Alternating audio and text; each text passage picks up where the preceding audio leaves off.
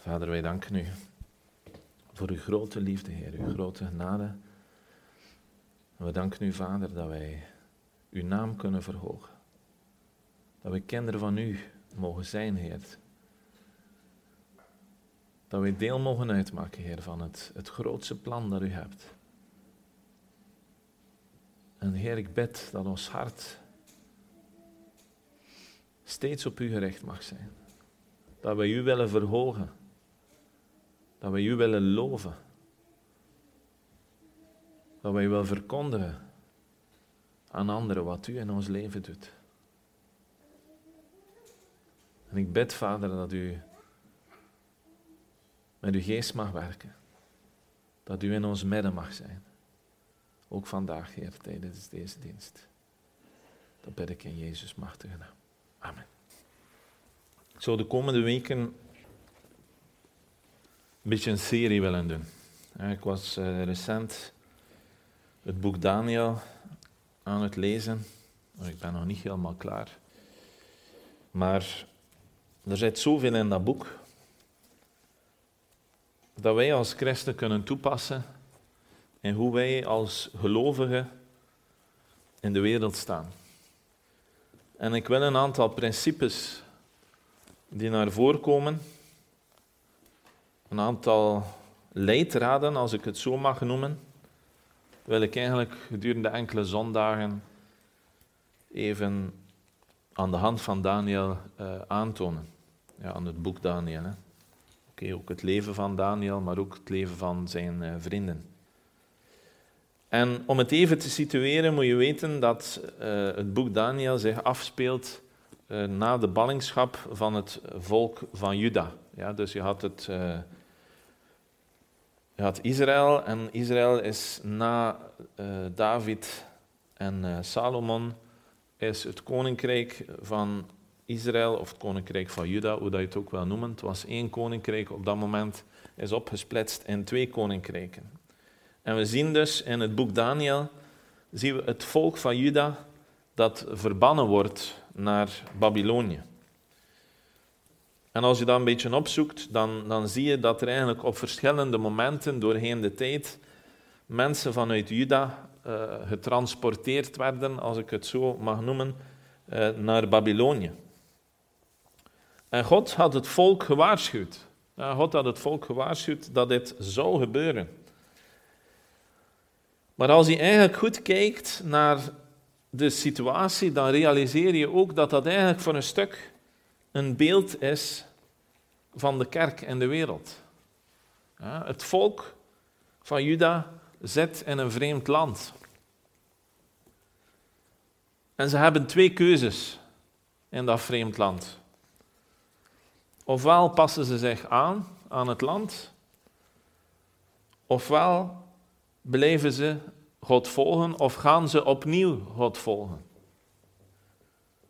En dat is de keuze waarvoor wij als christen elke dag staan. Ja, wij zijn als christen, als kerk, zijn wij wel in de wereld, maar niet van de wereld, zegt Jezus. Ja, ik wil er even naartoe gaan, Johannes hoofdstuk 15, vers 19. En het is cruciaal dat wij dat beseffen. Dat wij wel in de wereld zijn, maar niet van de wereld.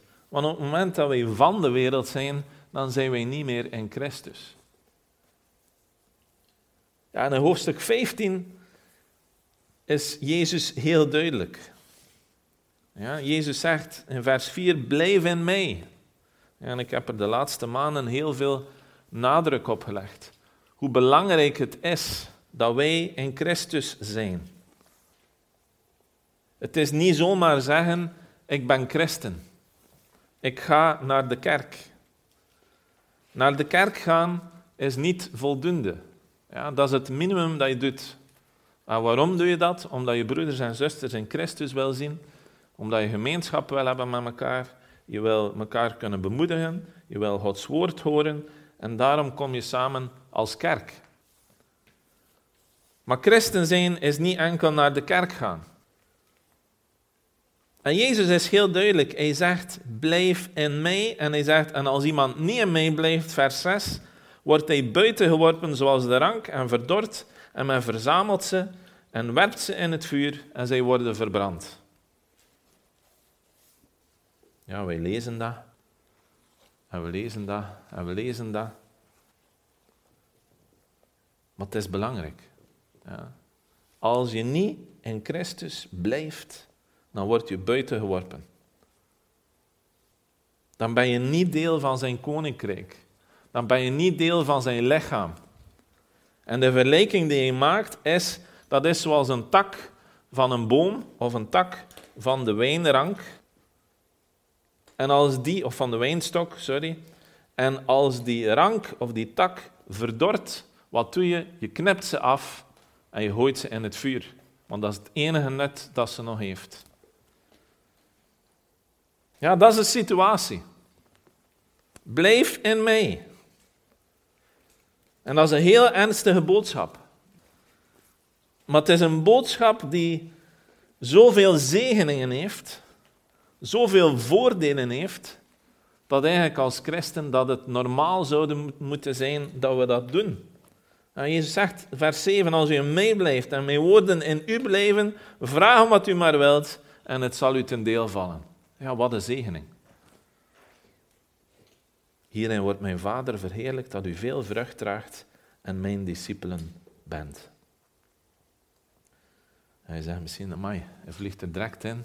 Het is nog maar de tweede zondag van het jaar. Ik heb mij voorgenomen van goed te starten. Goed te start is altijd een goede kans om ook goed te eindigen.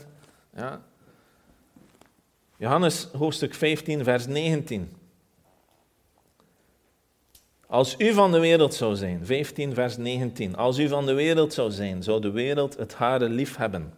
Maar omdat u niet van de wereld bent, maar ik u uit de wereld heb uitverkoren, daarom haat de wereld u. Ja, als u denkt dat christen worden, uh, zoals ze in Engels zeggen, a walk in the park zal zijn, ja, een wandeling in het park, dan moet ik u ontgoochelen. Ja, Jezus zegt, als u van de wereld zou zijn, dan zou de wereld u lief hebben, maar omdat u niet van de wereld bent, daarom haat de wereld u. Ja. Dus als iemand bent die graag heeft dat iedereen u graag heeft, ik waarschuw u, de kans is klein dat zo zal zijn. Wij zijn hier niet om mensen te behagen, we zijn hier om God te behagen. Hoofdstuk 17. Het zijn niet mijn woorden, hè. het zijn die van Jezus. Hè. En hij zegt, ja, hij is weer streng. Is Jezus die spreekt. Ik herhaal gewoon zijn woorden. Vers 14 van hoofdstuk 17. Ik heb hun uw woord gegeven en de wereld heeft hen gehaat, omdat zij niet van de wereld zijn, zoals ik niet van de wereld ben. Ik bid niet dat u hen uit de wereld wegneemt, maar dat u hen bewaart voor de boze. Zij zijn niet van de wereld, zoals ik niet van de wereld ben. Ja, als wij in Christus zijn, ja, dan zijn wij niet van de wereld, zoals Christus niet van de wereld is. In 1 Johannes hoofdstuk 2, vers 15 tot 17. Heb de wereld niet lief en ook niet wat in de wereld is. Als iemand de wereld lief heeft, is de liefde van de Vader niet in hem. Want al wat in de wereld is, de begeerte van het vlees, de begeerte van de ogen en de hoogmoed van het leven, is niet uit de Vader, maar is uit de wereld. En de wereld gaat voorbij met haar begeerte, maar wie de wil van God doet, blijft tot in eeuwigheid. Ja, en ik wil deze versen even lezen om aan te tonen hoe belangrijk het is dat wij ons bewust zijn als gelovigen dat wij niet van de wereld zijn. We zijn wel in de wereld, maar we zijn niet van de wereld. Ja, in Galaten hoofdstuk 2, vers 20 zegt Paulus, ik leef, maar niet meer ik leef, maar Christus leeft in mij. En het leven dat ik nu nog leef, leef ik door het geloof in Christus. we moeten niet naartoe gaan, ik heb het juist gezegd. Ja, dat is wat dat vers zegt. Het is goed om af en toe versen van buiten te kunnen. Waarom? Omdat God die versen dan aan ons geeft en in onze gedachten brengt op het moment dat we uitdagingen hebben. En het eerste dat ik wil bespreken in, in die serie, en daarvoor wil ik teruggaan naar het boek Daniel, dat is dat wij moeten vasthouden aan Gods principes. Ja, als wij als gelovigen in de wereld willen staan, dan moeten wij vasthouden aan Gods principes. Wanneer begint het fout te gaan? Het begint fout te gaan als wij beginnen vermengen. Als wij de principes van de wereld en de principes van God beginnen te mengen. En dat is wat we heel veel zien vandaag. De keuzes die mensen maken, zijn keuzes waar er vermenging in zit. Wat zegt God daarover? Lo, dat spuug ik uit. Ja? Ik wil koud of warm, maar lo, dat moet ik niet hebben. Ja, dus hou vast aan Gods principes. En ik wil even het eerste hoofdstuk van Daniel lezen. In het derde jaar van de regering van Joachim, de koning van Juda, kwam Nebukadnezar, de koning van Babel, naar Jeruzalem en belegerde het. En de Heere gaf Joachim, de koning van Juda, in zijn hand en een deel van de voorwerpen van het huis van God. Hij bracht die naar het land Sinear, naar het huis van zijn God. Hij bracht de voorwerpen naar de schatkamer van zijn God. En toen beval de koning aan Aspenas, het hoofd van zijn hovelingen, dat hij enige van de Israëlieten moest laten komen, namelijk uit het koninklijk geslacht en uit de edelen. Jonge mannen zonder enig gebrek, knap van uiterlijk, bedreven in alle wijsheid, ervaren in wetenschap, helder van verstand en die in staat waren dienst te doen in het paleis van de koning en dat men hen moest onderwijzen in de schriften en de taal van de Galdeën. Heb je al ooit een keer afgevraagd waarom dat hij dat doet? Wat is de beste manier om een volk te integreren? Je neemt enkele van de hoge plaatsen van dat volk, je zet ze aan je hof en je integreert ze volledig in je cultuur. Ja, zij moesten onderwezen worden in de geschriften en de taal van de Galdeën. Ja, neem enkele mensen waar anderen naar opkijken en als je die kunt meetrekken, dan trek je al de rest ook mee. Ja? Even bij stilstaan. De koning nu stelde een dagelijkse hoeveelheid van de gerechten van de koning voor hen vast. En van de wijn die hij dronk. Om hen in drie jaar zo op te voeden dat zij aan het einde daarvan in dienst konden treden van de koning. Onder hen waren uit de Judeërs Daniel, Hanania, Misael en Azaria. Ja, dus daar zijn vier mannen, Daniel, Hanania, Misael en Azaria. En die worden uitgekozen om aan het hof een opleiding te volgen maar niet alleen een opleiding te volgen, ze moeten ook meeeten van wat de koning eet, van de wijn die hij drinkt, zodanig dat ze op drie jaar tijd volledig passen in het kader van het hof.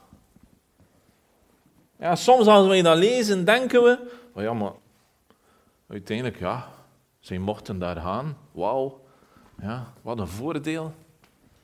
En ze mochten eten van hetgeen dat de koning eet. Wat een schoon leven hadden ze. En er zit veel meer achter. Er zit druk achter. Ja, de koning wil hen vormen naar het beeld dat zijn koninkrijk heeft.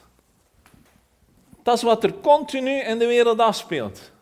Wat wil men hebben? Men wil hebben dat christenen, dat is wat de vijand wil, dat christenen gaan doen zoals de wereld.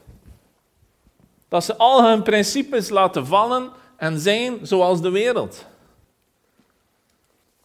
Maar dat is niet wat God wil.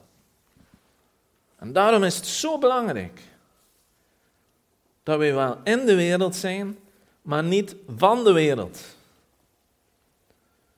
Vers 7. Het hoofd van de hovelingen gaf hun andere namen. Daniel noemde hij Belsazar, Hanania Sadrach, Misael Messach en Azaria Abednego. Ja, als je dacht dat met nieuwe namen te geven dat ging gemakkelijker worden, dan ben je verkeerd. Ja.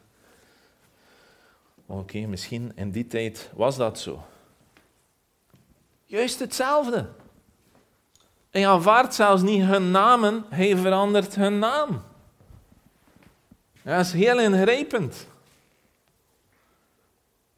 Daniel nu nam zich in zijn hart voor zich niet te besmetten met de gerechten van de koning of met de wijn die hij dronk. Daarom verzocht hij het hoofd van de hovelingen of hij zich niet zou hoeven te verontreinigen. God gaf Daniel genade en een barmhartigheid bij het hoofd van de hovelingen. Ja, te midden van al dat, de druk die er is om zich aan te passen, te conformeren aan wat de koning wil, namelijk dat die mannen, die hooggeplaatste mannen uit edelen, ja, wat staat er? Namelijk uit het koninklijk geslacht en uit de edelen, dat die mannen zich aanpassen aan de cultuur van Babylonië. Te midden daarvan, hun naam wordt veranderd. Zegt Daniel, ik ga mij niet besmetten met het eten van de gerechten van de koning en ik ga niet drinken van de wijn. Ja, dan neemt hij in zijn hart voor. Waarom doet hij dat? Omdat hij vasthoudt aan Gods principes.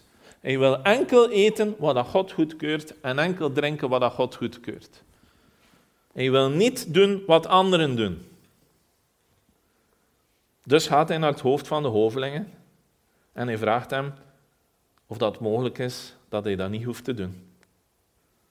En God gaf Daniel genade en barmhartigheid bij het hoofd van de hovelingen. Kijk, als je vasthoudt aan Gods principes, dan kun je dingen doen die je niet voor mogelijk houdt.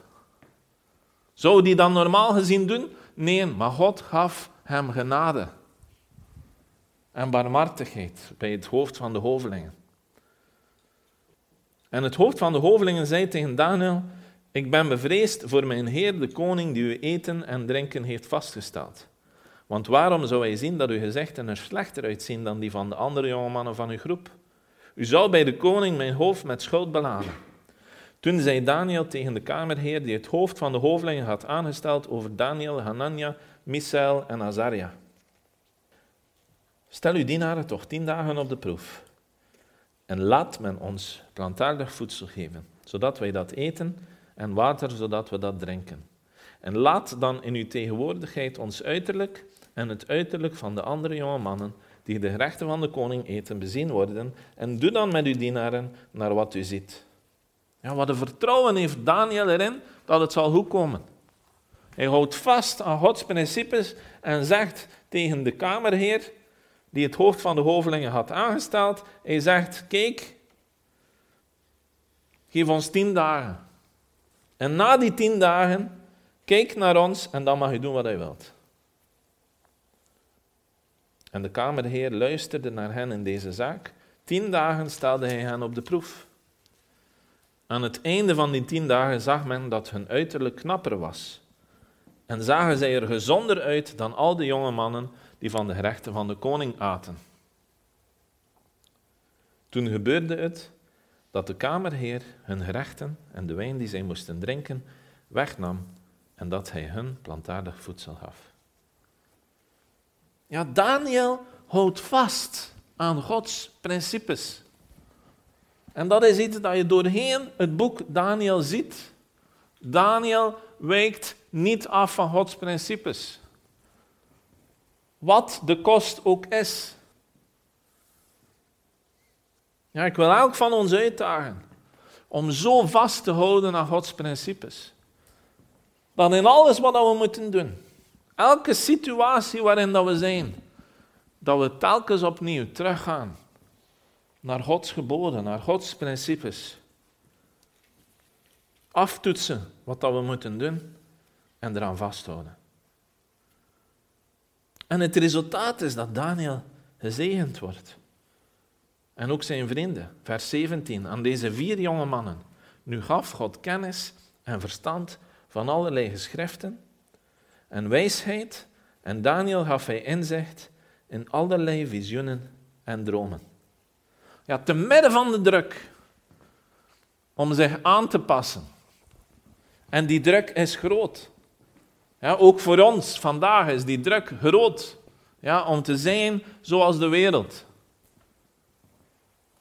Op allerhande manieren probeert men dat te beïnvloeden. Maar God gaf aan deze vier jonge mannen, omdat zij vasthielden aan Gods principes, kennis en verstand van allerlei geschriften en wijsheid. Niet alleen kennis, maar ook wijsheid.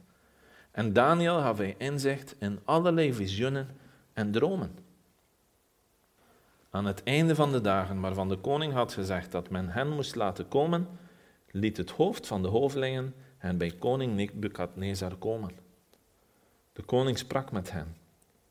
Maar onder hen allen werd niemand gevonden als Daniel, Hanania, Misael en Azaria. Zij traden in dienst van de koning. Ja, ook al probeerden ze om die vier mannen onder druk te zetten, door hen te verplichten dingen te eten, door te zorgen dat ze de schriften van de Galdeën moesten leren, door te zeggen dat ze moesten eten en drinken van wat de koning gebiedt.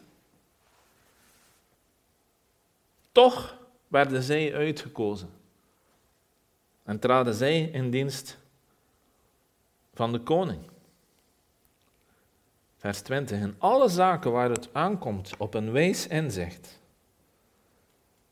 waarover de koning hen ondervroeg, vond hij hen tienmaal beter dan alle magiërs en bezweerders die er in heel zijn koninkrijk waren. En Daniel bleef tot het eerste jaar van koning Kores.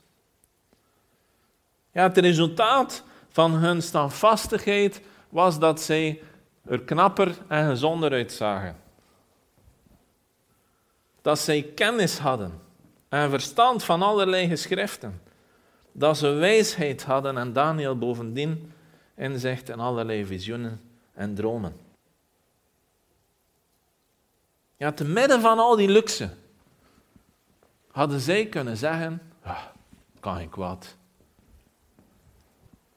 Maar we een beetje eten van hetgeen dat de koning vraagt dat we eten. En een beetje van die wijn drinken. Ja, dat had hun reactie kunnen zijn. Maar hun reactie was: nee, wij houden vast aan Gods principes.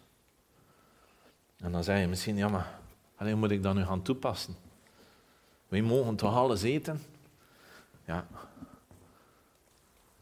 dat is zo, ja. Wil dat zeggen dat wij alles mogen doen of moeten doen? Nee, ook qua eten en drinken is niet alles noodzakelijk. Maar het is niet over het eten en het drinken dat het gaat. Het gaat erover dat zij vasthouden aan hun principes, aan Gods principes, ja, die ze ook de hunne gemaakt hebben. En dat wij dat ook kunnen doen. En als wij als gelovigen in de wereld willen staan, als wij als kerk in de wereld willen staan, dan moeten wij vasthouden aan Gods principes. Kerken die hun principes aanpassen, die weggaan van de Bijbel en zich conformeren aan de principes van de wereld, die zijn niet meer in het koninkrijk van God. Ja, dat is gewoon zo. Als je weggaat van Gods principes, dan ben je weg.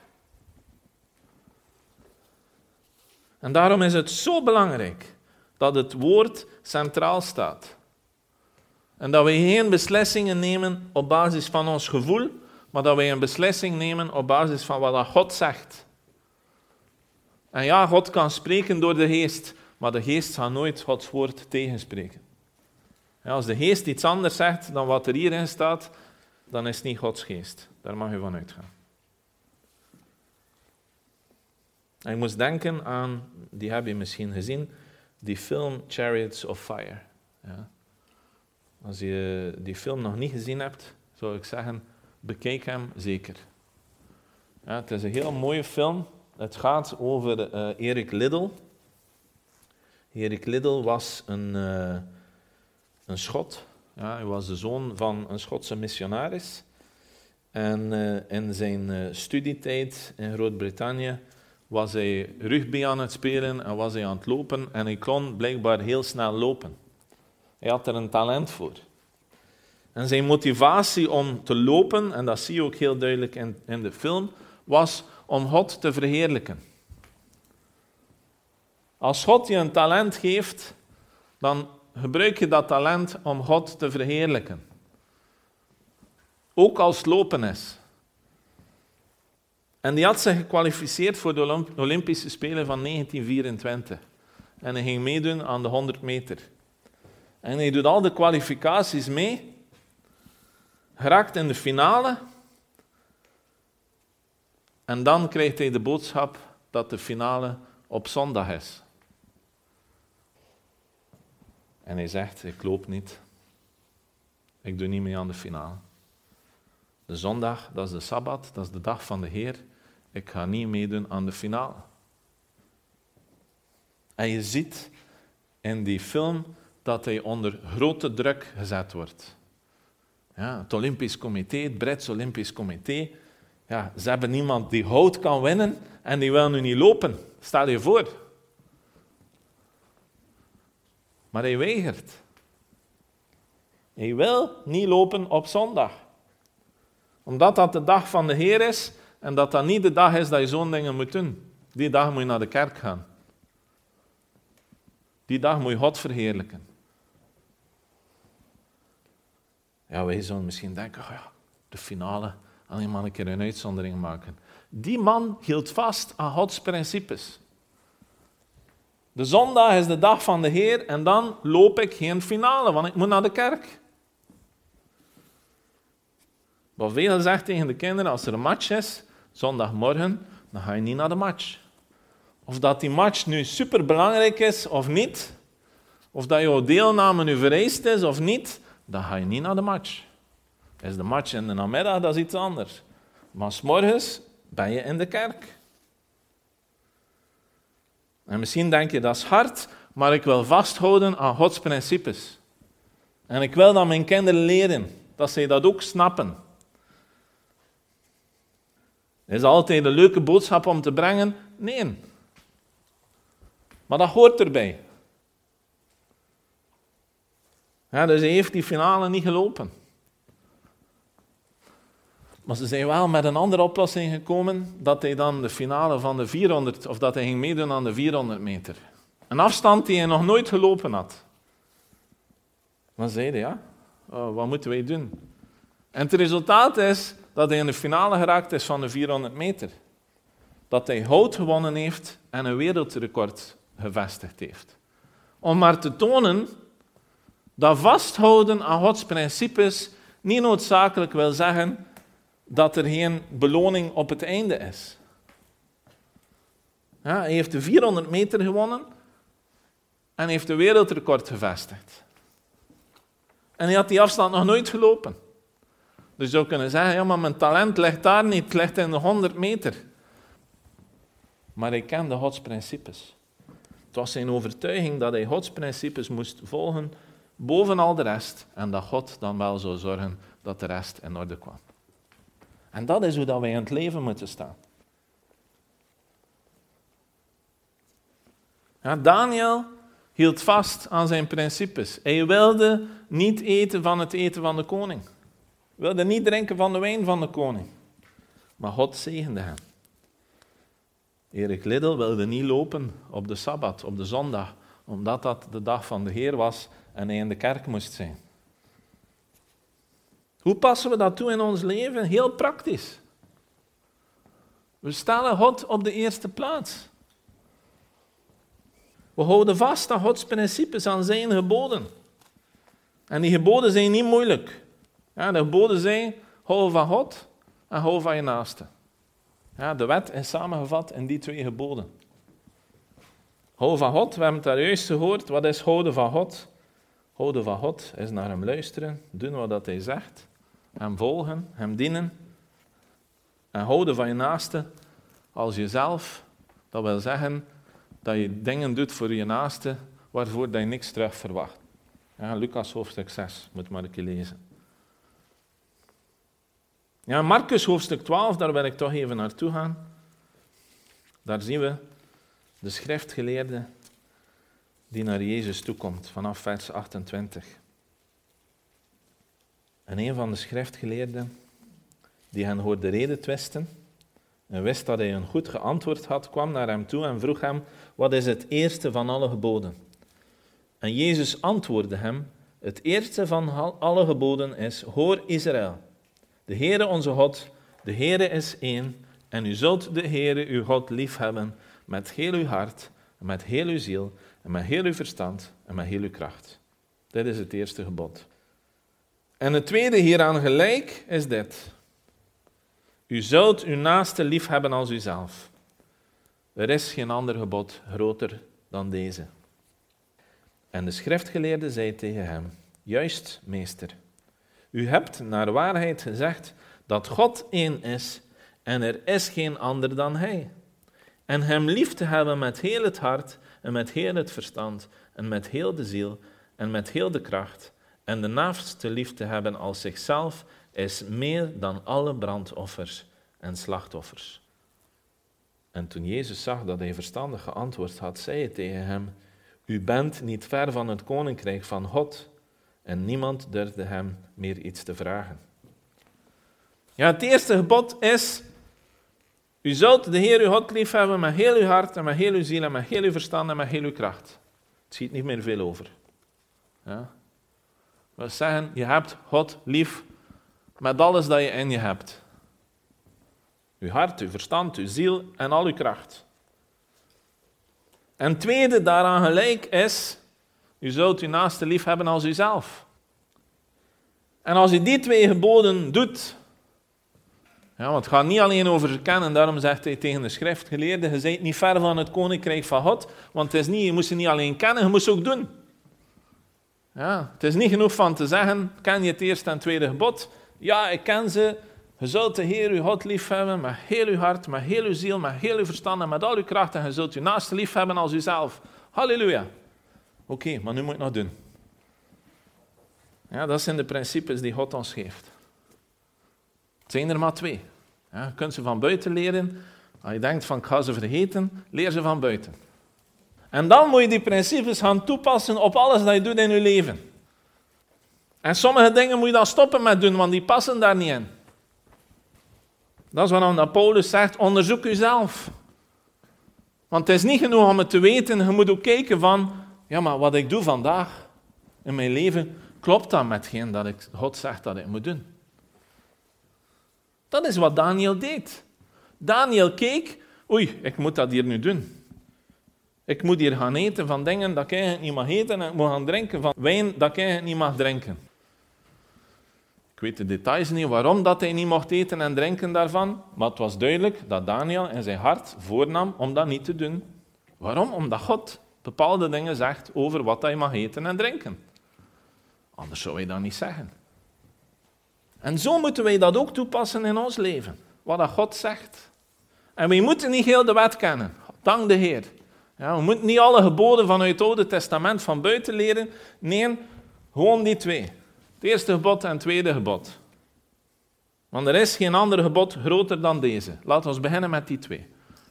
Heel praktisch. Ja, je moet niet alles doen, je moet gewoon beginnen met die twee. Hou van God, met alles dat je in je hebt. En hou van je naaste zoals dat je van jezelf houdt. En wat dat je ook doet dan in je leven, check het met die twee geboden. De vriendschappen die ik aanga. De mensen waarmee ik tijd eh, spendeer. Hoe dat ik mij gedraag op mijn werk. De keuzes dat ik maak financieel. Waar ik mijn tijd spendeer. Hoe ziet dat eruit in het kader van die twee geboden? Ik heb u gezegd in het begin, blijf in Christus. Als wij die twee principes toepassen in ons leven, dan blijven wij in Christus. Laat ons zoals Daniel zijn. En is dat altijd even gemakkelijk? Nee, er is druk. Maar dat is voor iedereen zo.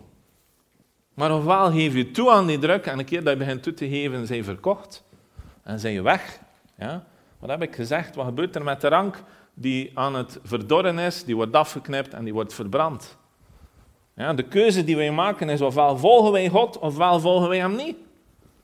Al van half, dat bestaat niet. Dat is tweeslachtig. Dat is low. En dat is niet wat God wil. Maar oppassen dat er straks nog iemand zit. Hè? Maar ik zeg dat om jullie te bemoedigen. Ik zeg dat niet om het jullie moeilijk te maken. Ik zeg dat omdat ik wil hebben dat je zijn koninkrijk bent. En dat is mijn taak als pastor. Dat is ervoor zorgen dat jullie weten wat je moet doen. En jullie waarschuwen, pas op. Ik zie zoveel mensen, zeker in de laatste twee jaar, in al die toestanden van livestream en weet het nog allemaal, die volledig aan het weggaan zijn van God. En het is dat ze het niet beseffen. Ze zitten met een pyjama aan de keukentafel de zondagmorgen een livestream te volgen. Over mijn leek. Dank dat toe. Of dat er iemand in mijn neus dat doet. Als dat kerk is, kerk wil zeggen dat je samenkomt. Paulus zegt, verzaak uw bijeenkomsten niet. Ja, Zan nog geen livestream, ga je zeggen misschien. Ja, Zan nog geen livestream. Dat klopt. Maar waarom kwamen ze samen? Om God te verheerlijken, om elkaar te bemoedigen, om het woord te horen, om samen te bidden. Dat is waarom dat ze samenkwamen. Gewoon toeschouwer zijn in een livestream, dat is niet hetzelfde. Want dan ben je toeschouwer. Dat is ook de reden dat ik nooit in die coronaperiode livestream moet doen. Ik wil hebben dat iedereen deelneemt. En daarom hebben wij dat gedaan via Skype. Is dat ideaal? Nee. Ja, moet dan zeggen, zet ik je micro uit. Ja. Als je heel aan het hoesten bent, ja, want dan hoort er niemand nog wat er gezegd wordt. Ja, dat hoort erbij. Is dat ideaal? Nee. Ik ben blij dat we terug hier kunnen samenkomen. Dat is veel gemakkelijker. Allee, voor mij is de inspanning hetzelfde, maar uiteindelijk is het veel beter dat we hier samen zijn.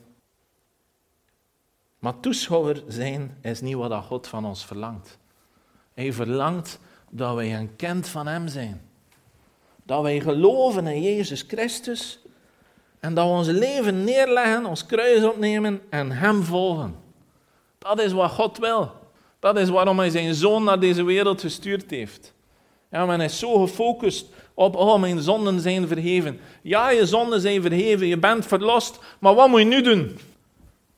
Dat is niet het einde, het is het begin. Het is het begin van een wandel in de geest, zoals we woensdag gezien hebben. Het is een begin van wandelen met Christus. En vanaf dan begin je vast te houden aan Gods principes. Ben je te kijken naar je leven en zeg je, oei, hmm, dat zit hier niet 100% pluis, ik moet daar iets aan doen. Maar eigenlijk is het nog veel gemakkelijker dan dat. Wanneer je begint te wandelen in de geest, dan begin je te zien dat je sommige dingen op den duur niet meer doet. En dan zeg je, oei, ik doe dat niet meer. Hoe komt dat?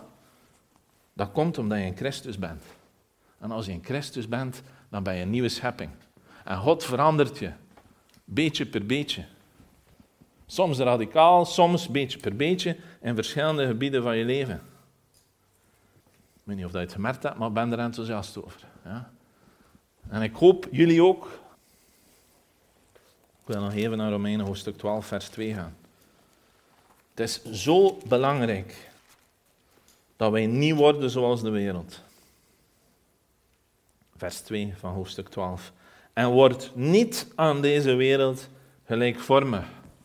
Ja, duidelijker dan dat kan het niet zijn. Wordt niet gelijkvormig aan deze wereld. Maar wat wel wordt innerlijk veranderd door de vernieuwing van uw denken, uw gezindheid. Om te kunnen onderscheiden wat de goede, welbehagelijke en volmaakte wil van God is. En hoe doe je dat? Dat doe je door uw lichaam aan God te wijden als een levend offer.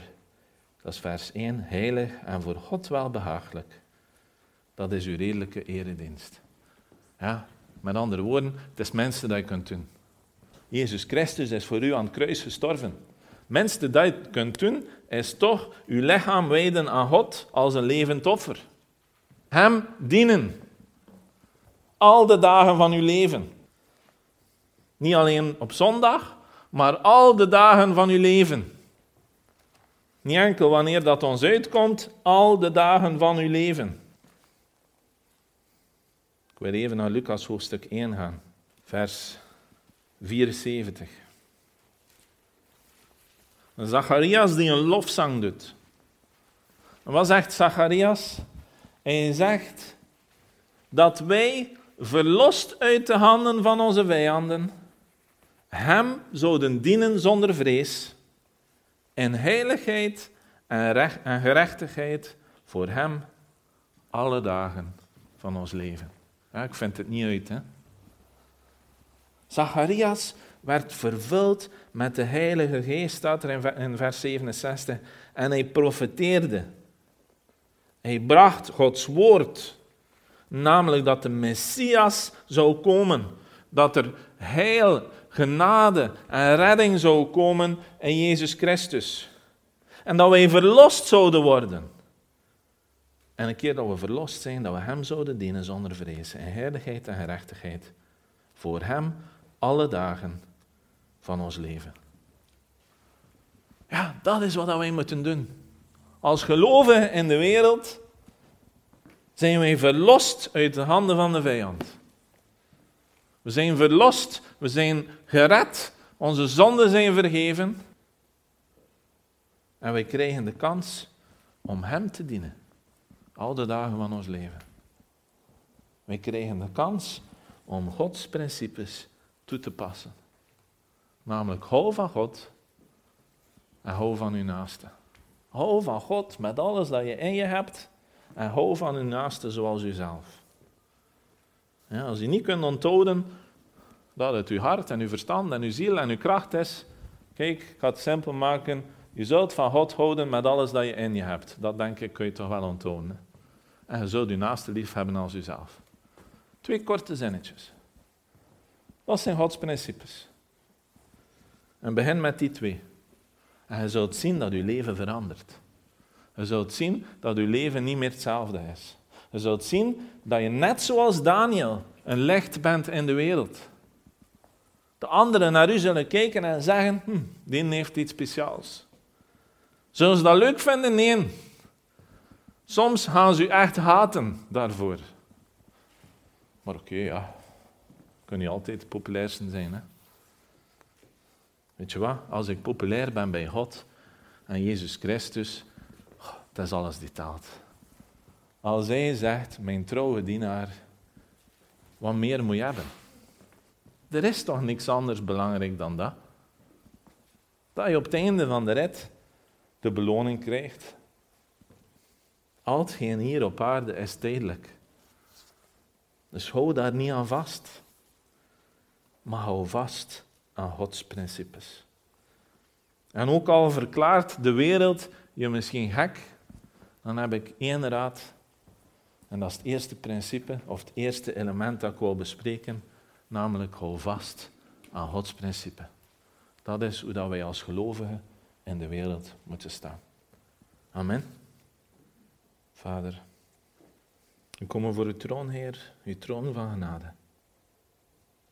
En we willen bidden, Heer, dat u door uw Heilige Geest mag tonen, Heer, in ons leven waar het niet goed zit.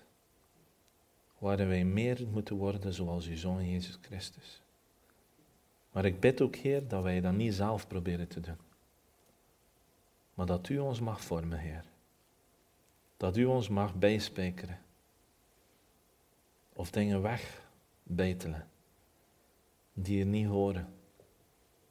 En wat we doen, en hoe we zijn, de keuzes die we maken, dat u ons dat verlangen mag heer, geven, Heer, om van u te houden. Met alles dat we in ons hebben. En dat wij het ook, Heer, mogen tonen aan onze naasten, doordat we hen lief hebben als onszelf. En Vader, ik bid dat u ons kracht en wijsheid mag geven om als een trouwe dienaar in deze wereld te staan. Dat wij niet gelijkvormig worden aan de wereld, maar innerlijk veranderd door de verandering van ons denken. En dat wij onze lichamen, Heer, aan U mogen wijden. En Vader, ik bid voor onze kerk, Heer, voor de mensen hier, maar ik bid ook, Heer, voor de mensen daarbuiten. En ik bid, Heer, dat wij een licht mogen zijn. Dat anderen naar ons mogen kijken en zien wat een genade en barmhartigheid U heeft voor ons. Heer, ik verheerlijk uw naam. Het gaat niet over ons. Het gaat niet over een verandering van gedrag, Heer, maar het gaat over u op de eerste plaats zetten. Het gaat over vasthouden aan uw principes. En ik bid, Heer, dat wij dat met al onze kracht mogen doen. Wat ook de omstandigheden zijn. Daar wil ik voor bidden. In Jezus machtige naam. Amen. Vader, we danken u, Heer, voor uw woord. We danken u, Heer, dat wij hier kunnen samen zijn als kerk, als uw familie. Dat wij elkaar kunnen bemoedigen. Dat wij elkaar kunnen aanmoedigen. Dat wij elkaar mogen ook uitdagen. Niet op een negatieve manier, maar op een positieve manier. Opdat wij allen samen Christus mogen volgen. Mogen vasthouden aan uw principes. En een licht mogen zijn in deze wereld.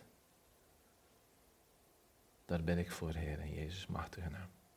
Amen.